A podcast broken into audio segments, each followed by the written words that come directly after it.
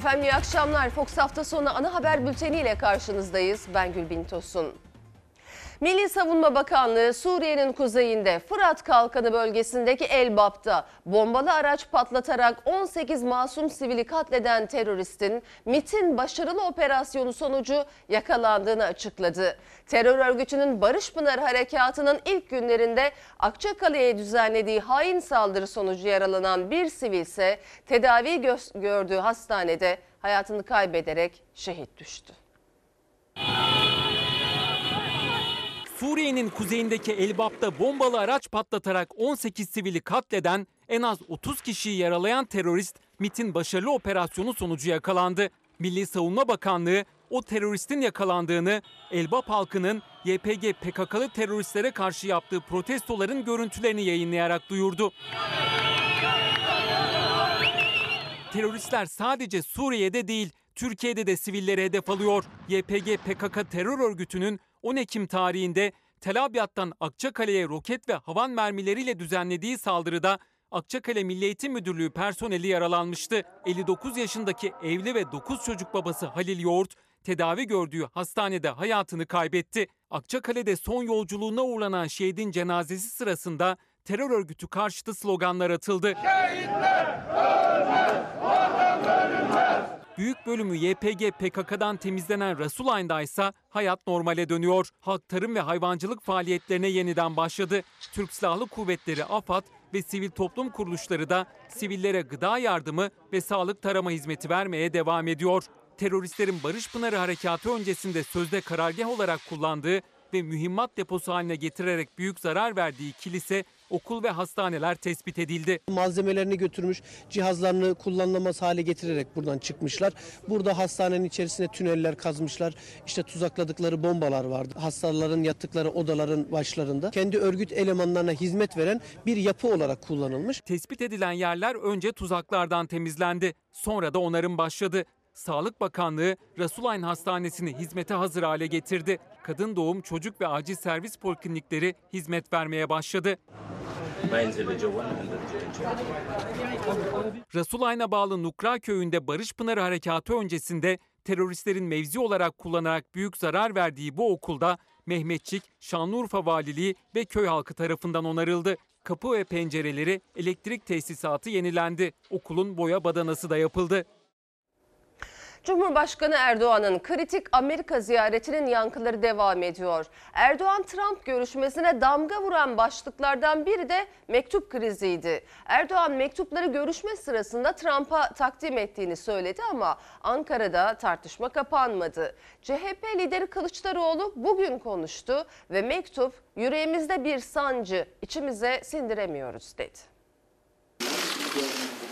Trump'ın yazdığı mektup benim yüreğimde derin bir sancıdır. Hepinizin yüreğinde derin bir sancıdır. Bu mektupları Sayın Başkan'a takdim ettim. İçime sindiremiyorum. Bu ülkenin tarihine sindiremiyorum. Ayıptır, yazıktır, günahtır ya. Cumhurbaşkanı Erdoğan Ankara'yı ayağa kaldıran küstah mektubu Trump'a takdim ettiğini söylemişti ortak açıklama sırasında.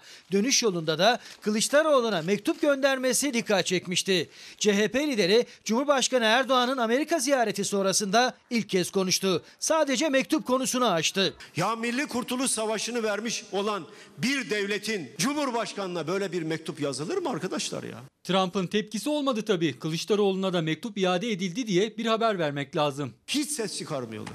Ben konuştuğum zaman da kıyameti koparıyorlar. Vay efendim sen niye bu mektubu söyledin? Ne söyleyeyim? Yedin yuttun mu diyeyim yani ben şimdi? Ne diyeceğim ben şimdi?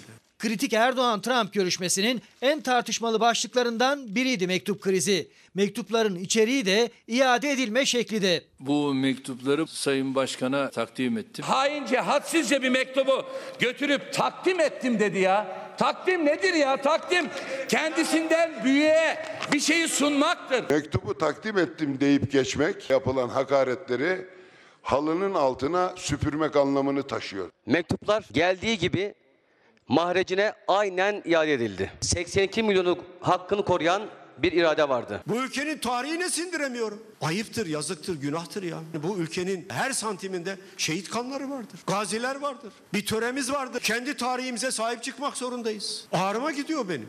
Erdoğan'ın takdim ettim sözü üzerine Trump yeni bir cümle kurmadı, susmayı tercih etti. Ama mektup krizinin Amerika-Türkiye ilişkilerinde açtığı yaranın izleri kolay silinecek gibi görünmüyor.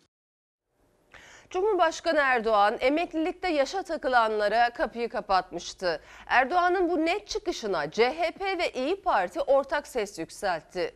Cumhurbaşkanının İskandinav ülkeleri bu yüzden battı açıklamasına ise muhalefet rakamlarla karşılık verdi. Tutturmuş bir EYP. Seçim kaybetsek de yok. Seçimi kaybetme noktasına gelmesi tabii e, Erdoğan'ın başarısızlığını gösteriyor. Erdoğan hiç olmadığı kadar sert kapattı EYT kapısını. Yerel seçimde dahi vaatlerin verildiği emeklilikte yaşa takılanlar muhalefetle iktidarı bir kez daha karşı karşıya getirdi. Arkadaşlarıma söylüyorum. Beni bu yola asla teşvik etmeyin. Milletimin faydası neredeyse ona varım zararına olan bir şeye asla yok. EYT'liler hiç meraklanmasınlar. Onların sorunlarını çözeceğiz. Ee, Erdoğan e, ve iktidarı Türkiye'nin bugüne kadar hiçbir sorununu çözmedi. Tam tersine sorun üretti. AK Parti'ye yakın iş adamlarının da yer aldığı bir Konfet İş Dünyası Konfederasyonu ile İstanbul'da buluştu CHP lideri Kemal Kılıçdaroğlu. Ekonomi değerlendirme toplantısında konuştu. Ben parayı harcarım, kimseye hesap vermem. Yok öyle bir şey. Kendi paranı harcıyorsan eyvallah. Ama vatandaşın parasını harcıyorsan hesabını vereceksin. Emeklilikte yaşa takılanlara kötü haberi veren Cumhurbaşkanı Erdoğan hedefindeydi CHP'nin. Bu hesap kötü bir hesaptır. Şer bir hesaptır. Devlet birçok harcama yapıyor.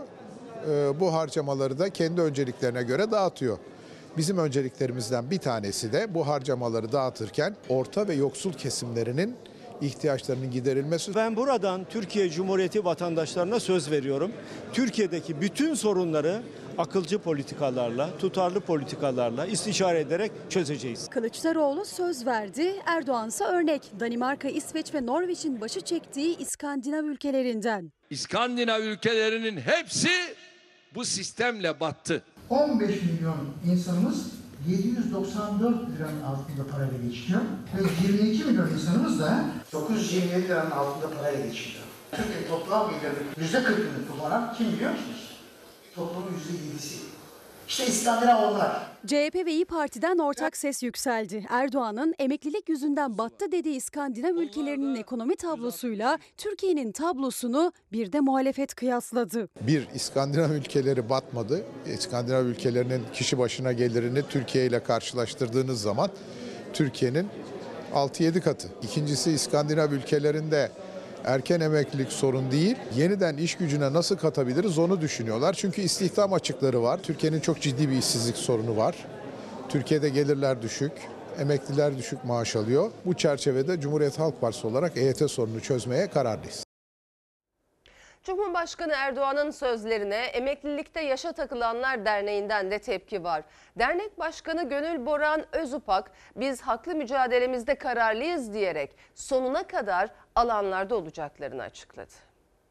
Duysun artık Ankara! Duysun artık Ankara! Tutturmuş bir EYP. Seçim kaybetsek de yok. Alansa alan, meclisse meclis her yerde olmaya devam edeceğiz. Çünkü biz bu yola baş koyduk. Cumhurbaşkanı Erdoğan'ın sert eleştirilerinin ardından gözler bir kez daha Emeklilikte Yaşa Takılanlar Derneği'ne çevrildi. Dernek Başkanı Gönül Boran Özüpak, biz mücadelemizi sürdürmeye kararlıyız diyerek Cumhurbaşkanı'na seslendi. Sayın Cumhurbaşkanımız böyle buyurmuş. Biz de tepkimizi yine bizi gören, bizi anlayan, bizi dinleyenlerle yol alacağımızı her yerde, alanda, mitingde, toplantılarda, mecliste, her yerde de dile getirmeyi devam edeceğiz. Onların zamanında emeklilik hayali 8 Eylül 1999 yılında çıkan yasayla söndü. Dernek kurup haklarını alanlarda aramaya karar verdiler. Ancak attıkları adımlarda iktidardan destek bulamadılar. Seçim kaybetsek de yok. Sayın Cumhurbaşkanımızın seçimi kaybetsek de bu hakkı vermeyeceğiz deyişiyle biz yerel seçimlerde zaten etkimizi gösterdik. Cumhurbaşkanının seçimi kaybetsek de yok sözlerine seçim üzerinden cevap verdi emeklilikte yaşa takılanlar. Oysa onlar umutla meclise sunulan EYT raporunu bekliyordu. Vedat Bilgin Bey'den bir rapor istendi Cumhurbaşkanımız tarafından. Bu rapor istenmesi bir oyalamaca mıydı? Bu açıklamanın rapor öncesi mi, rapor sonrası mı onu da çok merak ediyoruz. Erdoğan'ın İskandinav ülkeleri üzerinden verdiği örneğe de tepkiliydi EYT'liler. Biz ülkeye batırmak istemiyoruz. Batıranlar değiliz. En fazla katkı sunanlarız. Çift maaş alacaklar konusunda da ben buradan bütün devlet büyüklerimize sesleniyorum.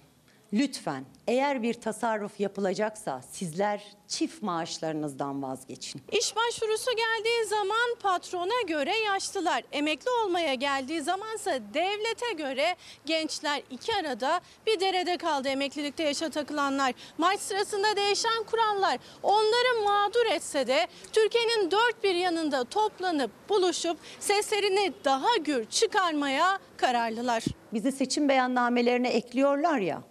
O seçim beyannamelerinde gideceğiz. Bizi gören, bizi anlayan, bizi dinleyenlerle yol alacağız. Bunu da tüm Türkiye'ye bildirmiş olalım. Türkiye Emekliler Derneği emekli maaşları ile ilgili çarpıcı rakamlar koydu ortaya. Artık emekli acil çözüm istiyor. 400, 500, 600. Eğer kirada oturuyorsa zaten geçinme olanağı yok yani. Çocuklarından yardım alır halde çıktı. Ben kızımla oturuyorum. Kızımın evi. Peki bir ev kirası ödeseydiniz? O, o ödeyemezdik zaten. O zaman sürünürdük. Emekli asgari ücret bir yana açlık sınırının bile altında kaldı. Türkiye Emekliler Derneği araştırmalarla ortaya çıkan çarpıcı rakamlarla artık yeter dedi. Emeklilerin biraz olsun nefes almasını sağlayacak oranda zam, kira ve yakıt yardımı istedi. Çünkü hala maaşı daha da düşük olduğu için 1000 liraya tamamlanan en az 130 bin emekli var. Bu rakam dul ve yetim maaşı alanlar da eklenince 3 milyonu buluyor. Ölenlerin e, dul ve yetimleri var. Bu rakamlar e, çok ciddi boyutlarda. 3 milyona yakındır. 2000 yılında asgari ücretten %37 fazlayken bugün 2000 sonrası emekli için asgari ücretin %58 altında. 2000 öncesi emekli için asgari ücretin %98 altında. Asgari ücret karşısında %98 eridi emeklinin maaşı. Türkiye Emekliler Derneği ve akademisyenler araştırdı. Emeklilerin geçim sıkıntısı rakamlarla bir kez daha ortaya kondu. 1000 lira ve altında maaş alan 3 milyon emekli var. Kaldı ki en yüksek maaşı alan bile zor geçiniyor. İyi bir dereceden maaş almama rağmen son 6 aydır geçim darlığını hissetmeye başladım. Her şey çok pahalı. Pazar pahalı, market daha pahalı. Emekliyi en çok ev kirası zorluyor. Türkiye Emekliler Derneği'ne göre her 4 emekliden birinin evi yok. Kira olsaydı? Burada duramayız ki İstanbul'da. Bodrum katlar bile bin lira. Emekliyi en çok zorlayan masrafların başında ev kirası geliyor. Diğer zorlayan masraf kalemi ise sağlık giderleri. İlaç yazıyor. Eczane bir arıyorum. 95, 115 Karşılamıyor mu peki sigorta? karşılıyor.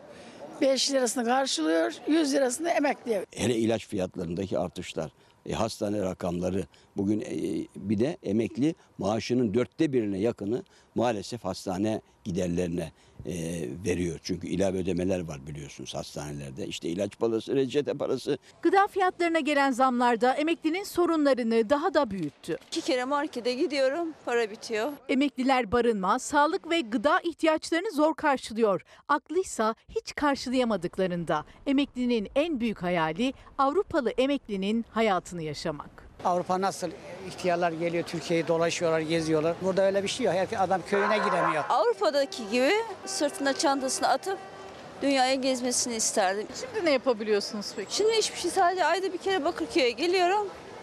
Biraz dolaşıyoruz, sahilde oturuyoruz ondan sonra eve gidiyoruz. O kadar. Refah yaşamak isterdik. Şöyle herkes gibi biz de tatile gitmek ister. Kamu özel ortaklığıyla yapılan şehir hastaneleri ile ilgili Cumhurbaşkanı Erdoğan'ın halkıma hizmetten dolayı zarar ediyorsak edelim çıkışı tartışmayı yeniden alevlendirdi. Muhalefet ihaleleri alan şirketlere verilen hazine garantilerini hatırlatıp zarar kimin cebinden çıkıyor sorusuyla tepki gösterdi. Şehir hastaneleri dediler. Efendim buradan biz cebimizden 5 kuruş para çıkmıyor. Biz bunu yap işlet devlete göre veriyoruz. Dün ne dedim? Zarar var dedi. Halkıma hizmetten dolayı zarar ediyorsak edelim be. E cebinden para çıkmadıysa bu zarar nerede? Devlet vatandaşın ödediği paraları harcar. Kendi parası yoktur devletin. Cumhurbaşkanı Erdoğan'ın zarar ediyorsak da edelim sözlerine CHP lideri zarar kimin cebinden çıkıyor sorusuyla tepki gösterdi. Şehir hastaneleri tartışması iktidarla muhalefeti bir kez daha karşı karşıya getirdi. İşi gücü bu gene bir şey söyleyecek tabii zarar ediyor. Hastaneyi kaça yaptın arkadaş? Ben bunu öğrenmek zorundayım. Çünkü benim paramla yapıyorsun. Bu vergiler nereye harcanıyor arkadaşlar? Muhalefet ödeme garantili sözleşmeler yüzünden hazineye getirdiği yük nedeniyle karşı çıktı. İktidarsa her seferinde savundu kamu özel ortaklığı modeliyle yapılan şehir hastanelerini. Sorun kamu özel ortaklığı nedir? İnanın bilmez. Bay Kemal ya bunları öğren. Evet bilmiyorum peki neymiş? Ya biz buna zaten kendi cebimizden para vererek bunu yaptırmıyoruz. Dün ne dedim? Zarar var dedi. O bütçeyi bilmiyor, ben bütçeyi biliyorum. O ne kadar para harcandığını bilmiyor, ben ne kadar para harcandığını biliyorum. Özel şirketlere yaptırılan 10 şehir hastanesi için 2020 yılında bütçeden 10,2 milyar kira ve hizmet bedeli ödenecek. Sağlık Bakanı artık bu modelden vazgeçildiğini, bundan sonra genel bütçeden şehir hastanesi yapılacağını duyurdu. Muhalefetten eleştirilerde haklıymışız sesleri yükselince Cumhurbaşkanı Erdoğan'dan zarar ediyorsak da halk için ediyoruz çıkışı geldi. Ya halkıma hizmette zarar ediyorsak edelim. Erdoğan, şehir hastaneleri zarar ederse etsin. Halka hizmet için zararı kabul ederiz. Prensip zarar etmemektir. Zarar düşük gelirlilere yapılan yardımların sonucuysa kabul. Ama yapımcılara, kreditörlere yapılan haksız transferlerin sonucu. Şimdi bunlar benim Ahmet'ime, Mehmet'ime, Ayşe'me, Fatma'ma layık değil mi? Ama bunu çok görüyorlar ya. Ben hiçbir zaman neden hastane yaptın, neden yol yaptın, neden köprü yaptın diye bir soru sormadım. Yapabilirsin.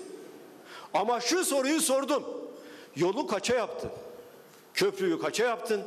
Hastaneyi kaça yaptın arkadaş? İktidar geri adım atmış gibi görünse de Cumhurbaşkanı Erdoğan zararı da kabullenerek kamu özel ortaklığı ile şehir hastaneleri projesine sahip çıktı. Muhalefet ise zararın vatandaşın omzuna yüklediği bilançonun peşinde.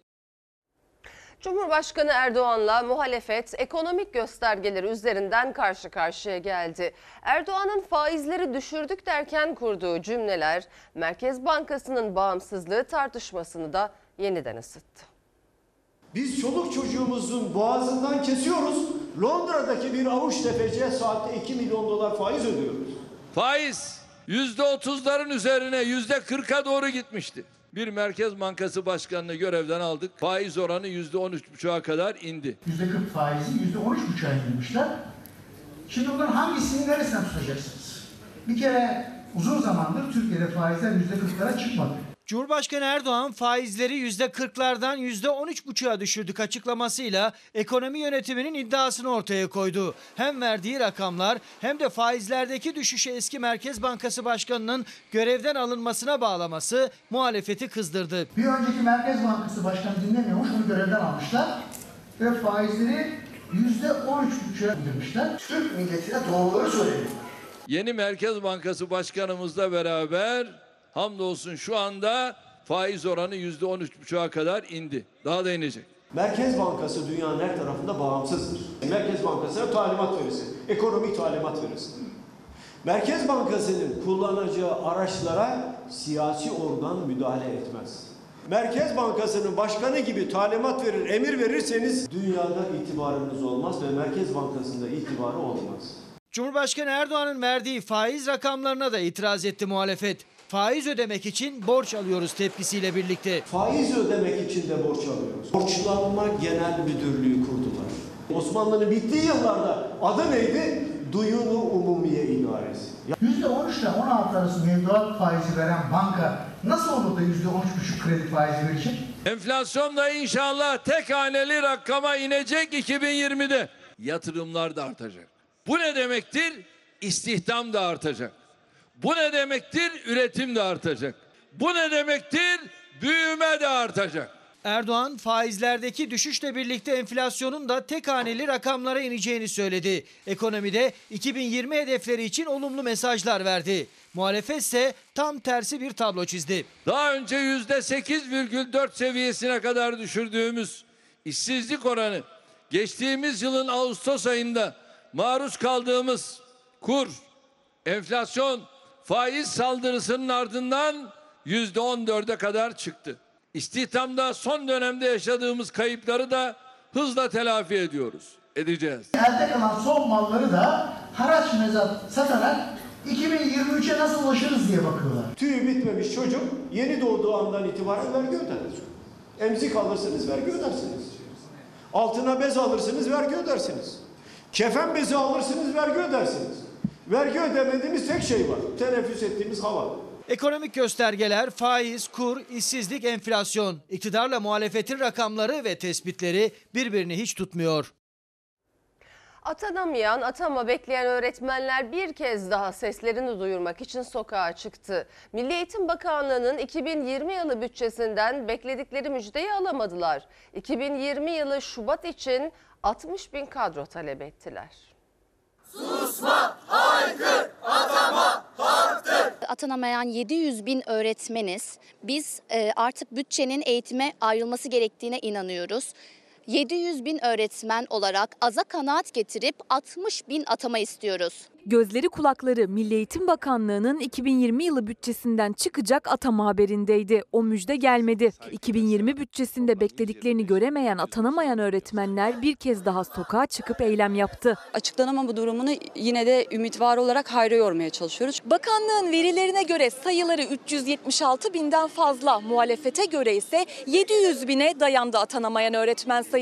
Onlar atama beklerken Milli Eğitim Bakanlığı'nın 2020 yılı bütçesine dahi giremediler. Şimdi bir kez daha seslerini duyurmak için meydandalar. Öğrencilerimize kavuşma hayaliyle diplomalarımızı aldık.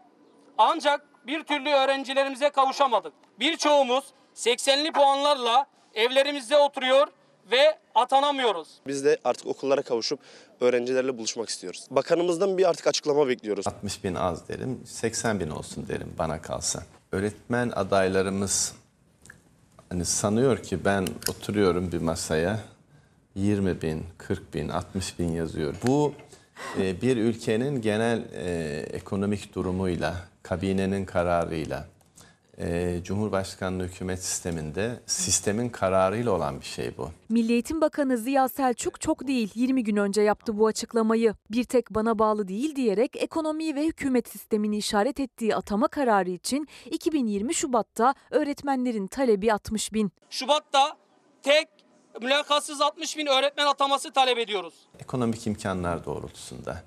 Dolayısıyla benden şu tarihte şu rakam şu kadar diye bir atama sayısını e, beklemesinler. Şubat ataması için de böyle bir çalışma devam ediyor. Edebiyat öğretmeniyle ilgili zamanında doyum fazlalaştığı için ihtiyacımız olmayan bir şeyi almak da istemiyoruz. Sayın Bakanımız hani nasıl doymuş, ücretlilerle doymuş gözüküyor. Açığımız çok. Bütün e, branşlarda Türkçe, matematik bir sürü arkadaşım vardı. Ücretli öğretmenliğinde kaldırılmasını talep ettiler. Çünkü eğer ücretli öğretmenlik kalkarsa kadro ihtiyacı doğacak. Bu da atama bekleyen binlerce öğretmenin atanması demek. Bizim yerimize e, ücretliler çalıştırılacağına biz 7 kadrolu olarak mülakatsız 60 bin öğretmen atamasının hükümetimiz tarafından yapılmasını talep ediyoruz.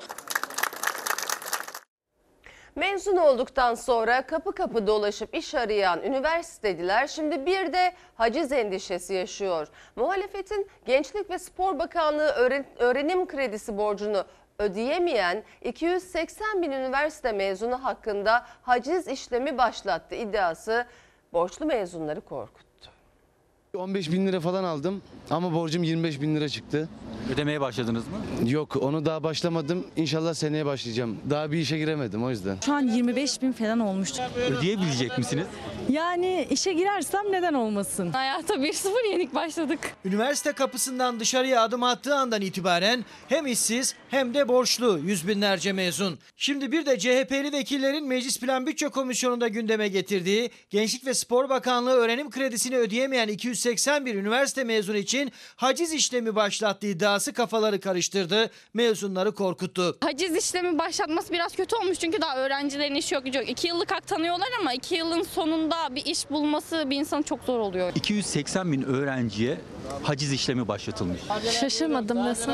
Gelir durumu düşük binlerce öğrenci için ek kaynak öğrenim kredisi. Lisans öğrencilerine aylık 500 lira. Mezun olduktan sonra ise alınan para faiziyle geri ödeniyor. Tabii mezun olunca bir işe girebildiyse. Daha benim iki yılım var ödemeye başlamam için çalışınca inşallah. İki yılda zaten bunun en az bir yılı falan bizim ülkemizde iş bulma e, süreciyle geçiyor. 18 bin lira ödeyecektim. İmzam o şekildeydi. Şu an 24 bin lira. ALES'te yüksek bir başarı elde edersem ve İngilizce sınavlarında geçersem belki akademide bir yere yerleşebilirim. Olmadığı takdirde muhtemelen bir 3-5 senede ben de işsizim. Devlet mezun olan öğrenciye 2 yıl zaman tanıyor işe girmesi için. Ancak sınavdan sınava koşturan, çalmadık kapı bırakmayan binlerce mezun o süre içerisinde işe giremedi. İş imkanı sağlamıyor. Çoğu kişi mezun olduktan sonra işsiz kalıyor ve haciz işlemi başlatıyor. Hem e, krediyi kendin veriyorsun bir de niye faiziyle geri alıyorsun? Tamam geri alıyorsun ama neden faiz yani? CHP'li vekiller Yunus Emre ve Ali Kemen Ekim ayında taksitlerini ödeyemeyen 217 bin üniversite mezununa e-haciz uygulandığını, 280 bin mezunun da haciz kıskacında olduğunu dile getirdi bütçe görüşmelerinde. Gençlik Spor Bakanı'ndan itiraz gelmedi. 1600 lirayla şu an geçinemeyeceğim için erteleteceğim. Af çıkmasını bekleyeceğim. 500 lira versen ona sonra kirayı ödesen 700 lira 1000 lira 1500'ü gidiyor 500 lira kalıyor onda da su faturası elektrik faturası falan bitti. 5 milyona yakın üniversite mezunu borçlu. Öğrenim kredisini ödeyemeyen 280 bini ise haciz korkusuyla karşı karşıya. Tarım Bakanlığı organik tarıma verilen desteğe sınırlama getirdi. Üretici hesabını o desteğe göre yapmıştı ama yarı yolda kaldı. Bu tüketici için de iyi haber değil. Çiftçi bir çıkmazın içinde şu an. Bunun bir son bulmasını istiyoruz. İyi tarım uygulamasıyla ürününü üreten çiftçi mağdur, kandırıldı. Organik tarımı teşvik için iyi tarım desteği veriliyordu üreticiye ama Tarım Bakanlığı uygulamada değişikliğe gitti. Destek 3 yılla sınırlandırıldı. Yani organik tarıma devam etmekte kararlı olana teşvik yok. İyi tarımda kalkarsa yani çok zor durumda oluruz. 100 binden fazla üreticimiz ve 3000'e yakın bu sektörde çalışan arkadaşlarımız mağdurdur. Bu mağduriyetin düzeltilmesini istiyoruz. Analizlerin tümünü yaptırdık. Benim gibi birçok üretici de bu şekilde mağdurdur. Doğaya dost ve sağlıklı üretim için tüm analizlerini yaptırdı. Hazırlıklarını tamamladı üretici ama ekip biçtikten yani masraf ettikten sonra desteğin kesildiğini öğrendiler. 3 yıl teşvik alana 4. yıl iyi tarım teşviği verilmeyecek artık. CHP Genel Başkan Yardımcısı Orhan Sarıbal hesabını desteğe göre yapıp borçlanan çiftçinin kandırıldığını söyledi. Peki arkadaşlar 2018'de 2019'un bütçesi yapılırken böyle bir şey var mıydı? Yoktu. Para ayrıldı mı?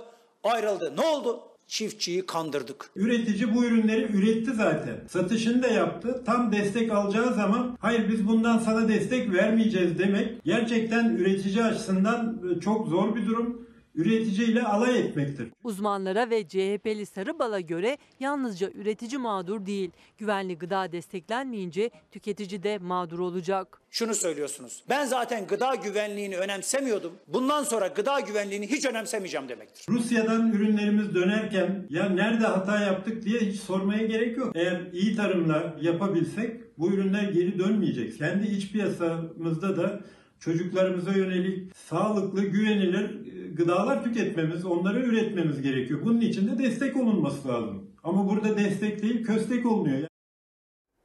İran'da benzin zammına karşı başlayan protestolar büyüdü. Olaylarda bugün bir polis, iki kişi hayatını kaybetti. Dini lider Hamane ise hükümetin benzin zammını savundu.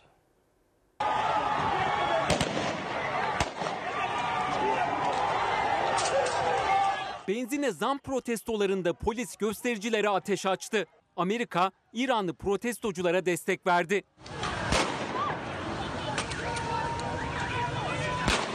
İran'da hükümetin benzine %50 zam yapmasıyla başlayan protestolar şiddetlendi. Ülke çapına yayılan gösterilerde öfkeli kalabalık kamu binalarını ateşe verdi. Oh, oh, oh, Göstericiler birçok yerde polisle çatıştı. Olayların büyümesi üzerine polis göstericilerin üzerine ateş açtı.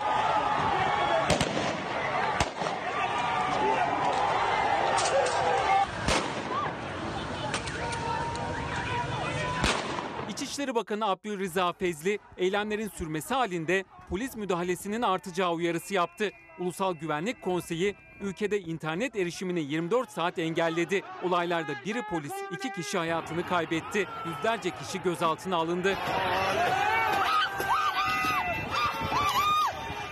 Dini lider Ayetullah Ali Hamaney hükümetin yaptığı benzin zammını savundu. Uzmanlarla görüşülerek yapılan zamda geri adım atılmayacağının sinyalini verdi. Dini lider gösterilerin devrim karşıtları ve İran düşmanları tarafından desteklendiğini söyledi. Bu zam tabii ki bazı insanları endişelendiriyor ama sabotaj ve kundaklamaları halkımız değil fanatikler yapıyor. Washington yönetimi protestolara açık destek verdi. Amerika Dışişleri Bakanı Mike Pompeo sosyal medyadan Amerika sizi duyuyor, sizi destekliyor, sizin yanınızdadır mesajını paylaştı. Saadet Partisi ile yollarını ayırdıktan sonra yeniden Refah Partisi'ni kuran Necmettin Erbakan'ın oğlu Fatih Erbakan başkentte ilk kongresini yaptı. Davetliler arasında AK Parti'den ve CHP'den de isimler vardı. İlk kongrede hükümete eleştiriler ekonomi üzerinden geldi.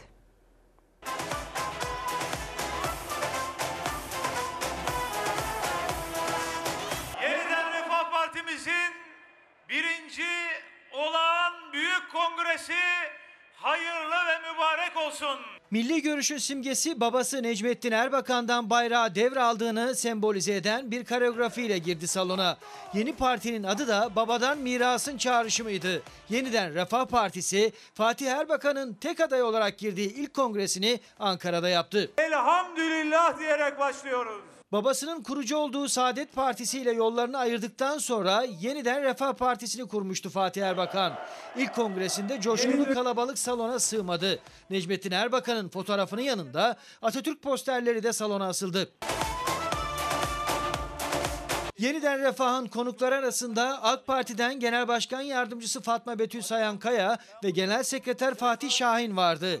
CHP'den Genel Başkan Yardımcısı Yıldırım Kaya, İyi Parti'den Isparta Milletvekili Nuri Okutan da salondaydı. Saadet Partisi'nden katılımın olmaması ise dikkat çekti. Şarkıcı Davut Güloğlu partilileri kongre için bestelediği şarkılarıyla coştururken Fatih Erbakan çıktı kürsüye. Beton çimento ekonomisi yerine, borç faiz ekonomisi yerine üretim, istihdam ve ihracat ekonomisini uygulayacağız. Ekonomi başlığı üzerinden dolaylı mesajlarla iktidarı eleştirdi Fatih Erbakan. Adaletten eğitime kadar birçok başlığa değindi. Ayrıştırmayacağı sözü vererek indi kürsüden de. Türk, Kürt, Alevi, Sünni, laik, dindar diye ayrılmayacağız.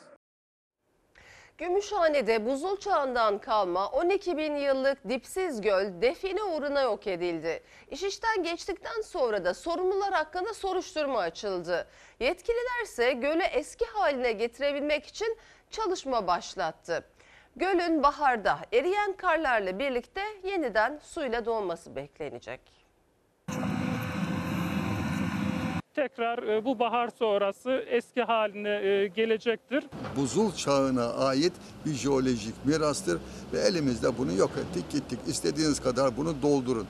Orijinal haline getirmek pek mümkün değil. Define uğruna yok edilen 12 bin yıllık dipsiz göl için rehabilitasyon çalışması başlatıldı. Ama eski haline döner mi sorusuna uzmanlar farklı yanıtlar verdi. Kimi gölün baharda yeniden suyla dolacağını söyledi, kimine göre ise artık çok geç. Gümüşhane'de Taşköprü Yaylası'nda yasal izinle yapıldı kazı. Buzul çağından kalan dipsiz göl 4 gün içinde kupkuru bir araziye döndü. Aranan define bulunamadı. Çığ gibi büyüyen tepkilerin ardından harekete geçti Kültür ve Turizm Bakanlığı ile Gümüşhane Valiliği. Ayrı ayrı soruşturma açtılar, sorumlular açığa alındı. Eski haline dönme ihtimali olur mu?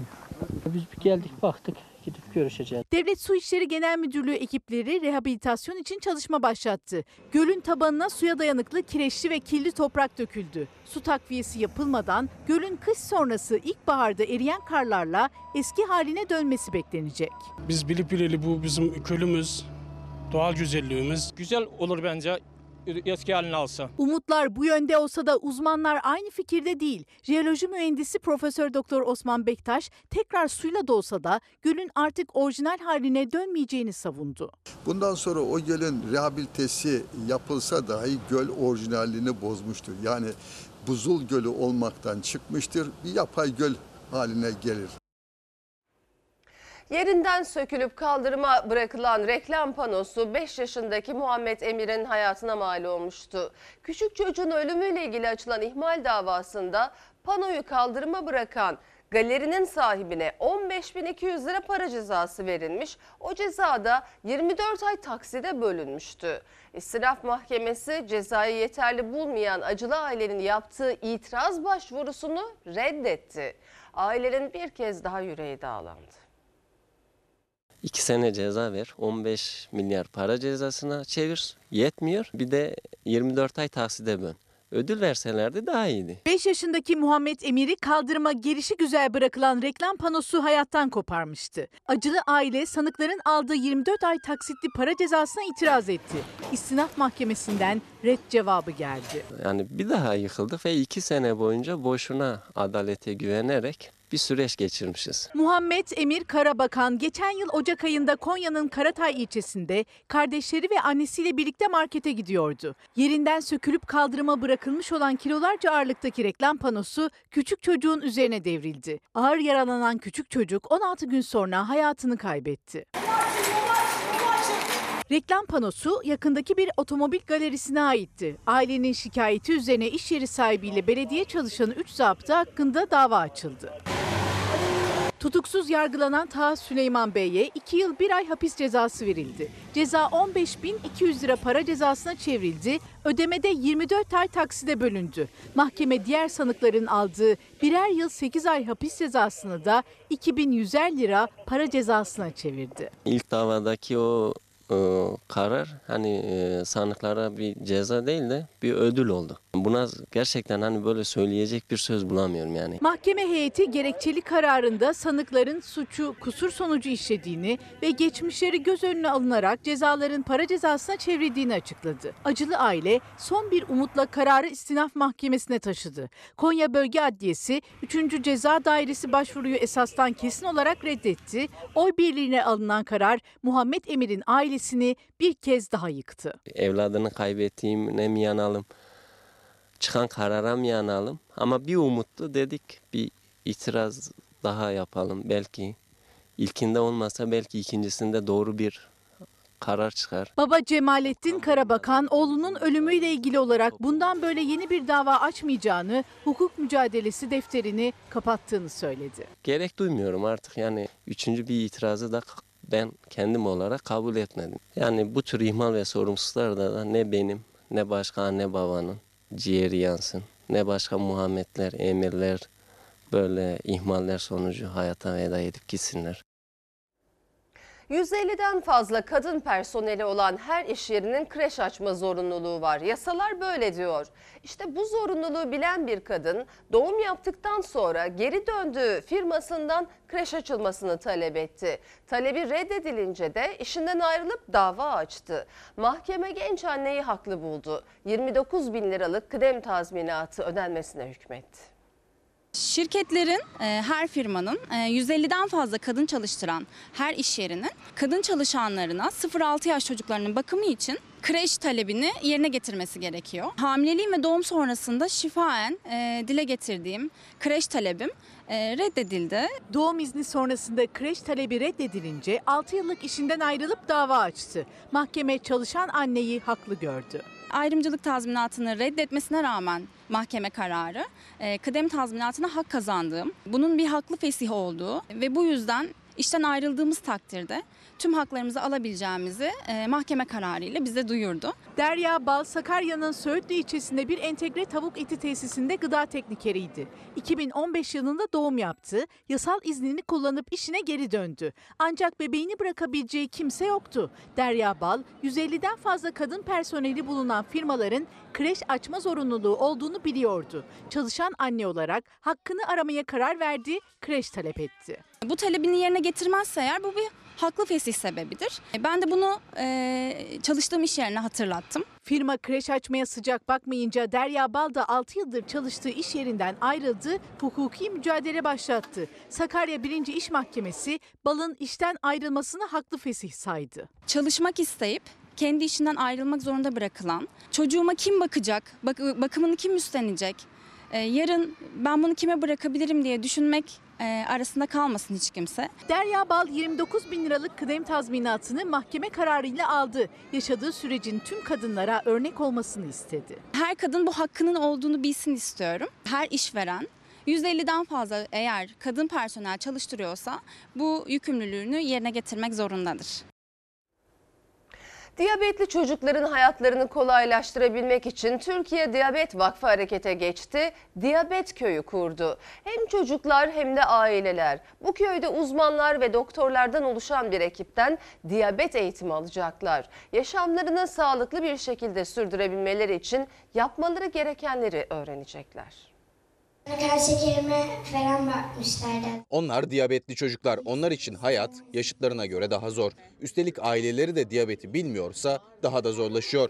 Ama çözüm Türkiye Diyabet Vakfı ve yardım derneklerinden geldi. Diyabetli çocukların yeni yaşantılarında, sağlıklarında bilabedel, ücretsiz aileleriyle birlikte bir hafta orada kalmaları, diyabetli yaşamlarını tedavi olmalarını sağlamak amacımız. İstanbul Şile'de kurulan Diyabet Köyü çocukların eğitimleri için kullanılacak. Çocuklar ve aileleri birer haftalık kamplarla diyabet eğitimi alacak. Nasıl geçiyor yaşam? Senin için zorlukları var mı? Bazen. Mesela bazen çok yükseliyor, bazen çok düşüyor. Onun için sıkıntı oluyor. Mesela karpuz yemek istiyorum, kiraz yemek istiyorum, meyve çok yemek istiyorum. Burası aslında sadece çocuk köyü değil, tüm yaşlar için. Tabii ki önceliğimiz çocuklar ve gençler. Kamp çok önemli. Çocuk özellikle çocukların ve gençlerin hayatında hem kendileri için hem aileleri için çok önemli. Çünkü kendileri gibi başkalarının olduğunu görüyorlar. Çocuklar Diyabet Köyü sayesinde yalnız olmadıklarını anlayacak, ilaçları nasıl kullanmaları gerektiğini öğrenecekler. Beslenme konusunda da uzmanlardan eğitim alacaklar. Diyabet çocuklarda zorlu bir süreç. Günde 5 kez parmaklarını delmek, ayda 200 kez insülin iğnesi olmakla başlayan bir süreçle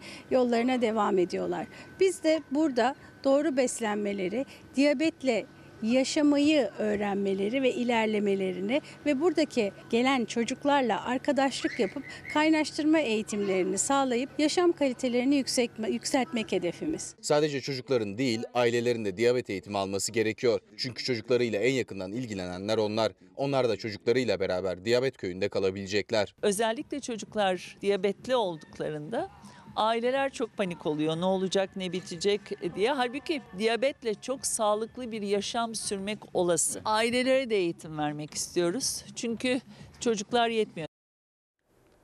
Amerika'dan firari bir kedinin haberi geliyor şimdi ekrana. Firari kedi barınaktaki arkadaşlarını sürekli serbest bırakınca sonunda tek başına kafese konuldu. Amerika Birleşik Devletleri'nin Houston şehrindeki hayvan barınağında yaşayan Quitli adındaki kedi kapı açma yeteneğiyle gündeme oturdu. Quitty birçok defa barınaktaki kedilerin kafesini açtı, arkadaşlarını serbest bıraktı. Kedileri sürekli koridorda bulan barınak çalışanları bu durumdan bıktı, Quitty'yi cezalandırmaya karar verdi. Barınak çalışanları Quitly'yi diğer kedilerden ayırdı, kilitli bir odaya aldı. Quitly burada da huyundan vazgeçmedi. Sürekli zıplayarak kapıyı açmaya çalıştı. Barınak çalışanlarının görüntüleri yayınlaması sonrası birçok kişi Quitly'yi sahiplenmek için barınağa başvuru yaptı.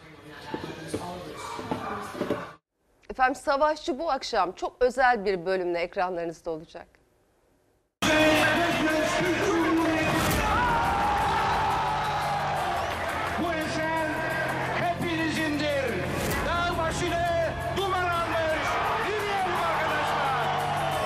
Kuzey Kıbrıs Türk Cumhuriyeti'nin kuruluşunun 36. yıl dönümünde Savaşçı dizisi Yavru Vatanı unutmadı.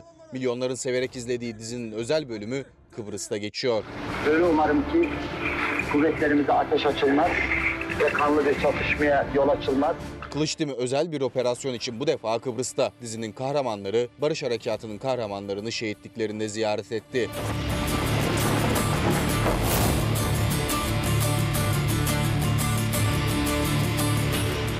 ...1974 Barış Harekatı'ndan çok özel görüntülerde yer aldı Savaşçı dizisinde. Kuzey Kıbrıs Türk Cumhuriyeti'nin bağımsız bir devlet olarak kurulduğunu dünya ve tarih önünde ilan ediyoruz. Ne mutlu Türk'üm diyene. Kılıçdemir yine nefes kesen bir operasyonla izleyiciyi ekrana kilitleyecek.